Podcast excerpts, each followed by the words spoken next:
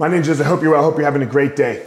Um, look, we, we all know that the most successful are always learning, right? They're always learning and acquiring new skill.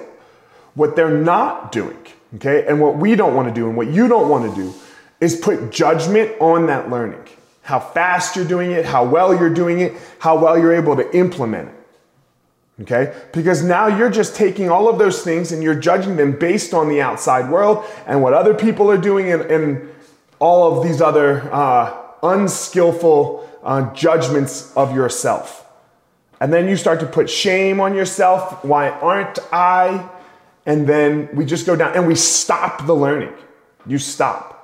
So, have scheduled learning time. Schedule learning time in your day. Schedule learning time in your life and then just take it in small little chunks.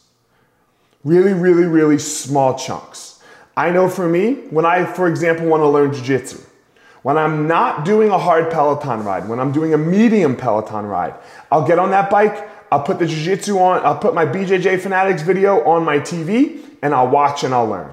And then I have to watch through that two or three times sometimes to make sure that I get the details. It might take me months to get through one instructional because I, because I really want to make sure that I have it and that when I go teach it, I really understand it.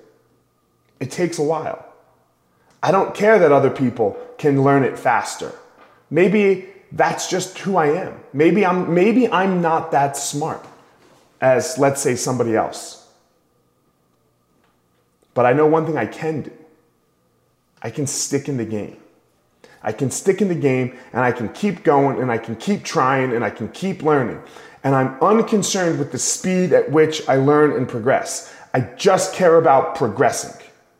Did I progress is the question.